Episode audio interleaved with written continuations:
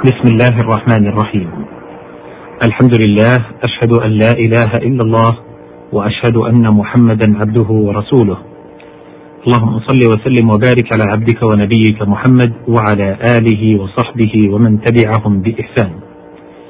أيها المستمع الكريم أيتها المستمعة الكريمة السلام عليكم ورحمة الله وبركاته.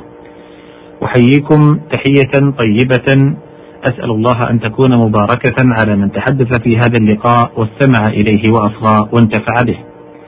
حديثنا موصول حول مائدة كتاب الله سبحانه وتعالى ببيان ألفاظ من هذا الكتاب العزيز تحتاج إلى بيان وإيضاح، وذلك من خلال بيان ما قالته العرب الفصحاء في شعرها ونثرها مما يجانس تلك الألفاظ لتتضح هذه المعاني. قد كان المقام قد توقف بنا في الحلقة السابقة عند مادة الجيم والنون والحاء. في قول الله سبحانه وتعالى في سورة طه: واضمم يدك إلى جناحك. الجناح ما بين الإبط والعضد. وقوله سبحانه واخفض لهما جناح الذل لما كان الذل ضربين ضرب يرفع الإنسان وضرب يضعه. وكان المقصود في هذا المكان جهة الرفع قيل جناح الذل. كأنه قيل استعمل الذل الذي يرفعك عند الله من أجل الرحمة أو من أجل رحمتك لهما. والجنح قطعة من الليل مظلمة. والجناح الإثم. وأصله ما يميل بك عن الحق. ومنه الجوانح وهي عظام الصدر المتصلة رؤوسها في وسط الزور والواحدة جانحة سميت بذلك لميلانها. الجيم والنون والدال. الجند العسكر المعد للقتال اعتبارا بالجند وهي الأرض الغليظة الكثيرة الأحجار. ثم قيل لكل مجتمع جند ويجمع على أجناد وجنود. قال تعالى في سورة المدثر وما يعلم جنود ربك إلا هو أي خلائقه التي إن أراد أن يهلك بها من شاء أهلكته. وقوله تعالى وما أنزلنا على قومه من بعده من جند أي أن صيحة الملك قد أهلكتهم فلم يحتج معها إلى إنزال جند. وقوله سبحانه إذ جاءتكم جنود فأرسلنا عليهم ريحا وجنودا لم تروها. الجنود الأولى هم الكفار والثانية هم الملائكة. وهذا يدل على عظيم قدر نبينا صلى الله عليه وسلم.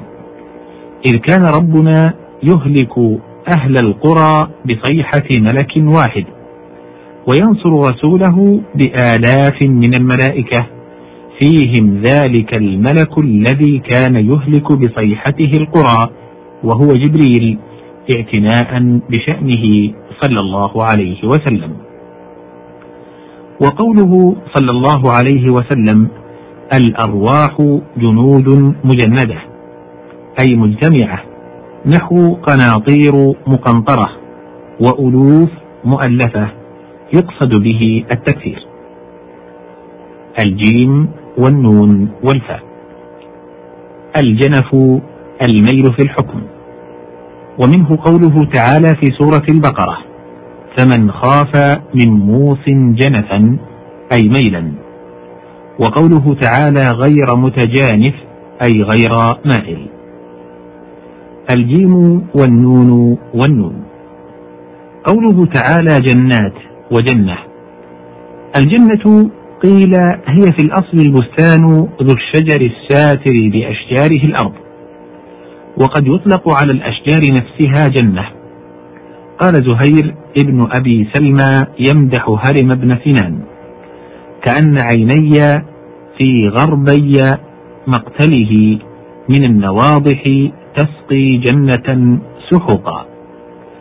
سمي بذلك لستره الأرض ومن يدخل فيها. وكيفما دارت هذه المادة دلت على الستر ومنه الجن لاستتارهم عن العيون.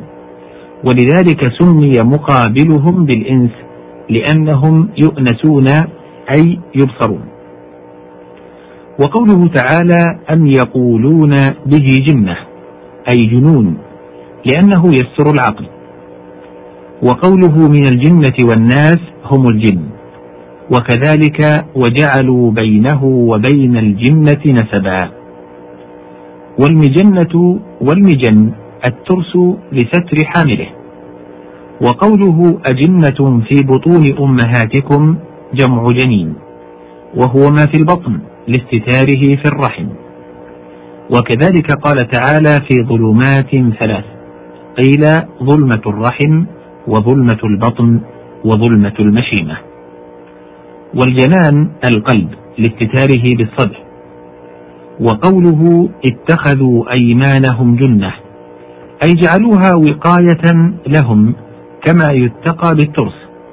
ومنه أجنه الليل وجنه أي ستره بظلمته.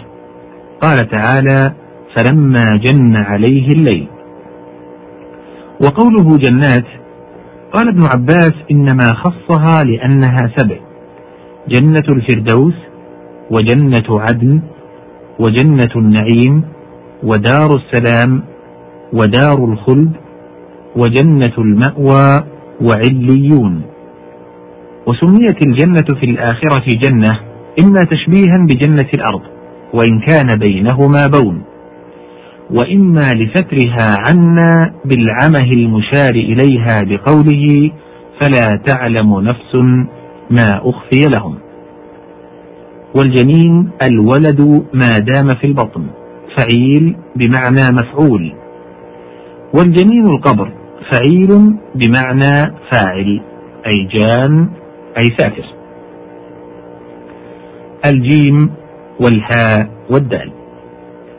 قوله تعالى في سورة التوبة لا يجدون إلا جهدهم. الجهد الطاقة والمشقة. وقال ابن عرفة هو بالضم الوسع والطاقة وبالفتح المبالغة والغاية. ومنه وأقسموا بالله جهد أيمانهم أي بالغوا في اليمين وأجهدوا فيها. بمعنى أنهم أجهدوا فيها أن يأتوا بها على أبلغ ما في وسعهم وطاقتهم. والإجتهاد افتعال من ذلك وهو أخذ النفس ببذل الطاقة وتحمل المشقة. يقال جهدت رأيي واجتهدت فيه أتعبته بالفكر والتأمل. والجهد الهزال وفي حديث أم معبد شاة خلفها الجهد أي هزالها. ومنه جهد الرجل فهو مجهود وعن الحسن لا يجهد الرجل ماله أي لا يبذره حتى يسأل غيره. الجيم والواو والباء. قال تعالى في سورة الفجر جابوا الصخر بالواد أي قطعوه وجعلوه بيوتا يسكنونها. وقوله جواب ليل سرمدي أي قطاع ليل بالسرى. وجبت الفلاة قطعتها سيرا. وقال أبو بكر الصديق رضي الله عنه جيبت العرب عنا كما جيبت الرحى عن قطبها. وهذا من أبلغ الاستعارات. يريد أنه خرقت العرب عنا فكنا وسطا وهي حوالينا وخيار الشيء وسطه. كما خلقت الرحى في وسطها لأجل قطبها الذي تدور عليه. هنا نتوقف على أمل بإذن الله بلقاء تال إن أذن الله بذلك. حتى ذلكم الحين أستودعكم الله والسلام عليكم ورحمة الله وبركاته.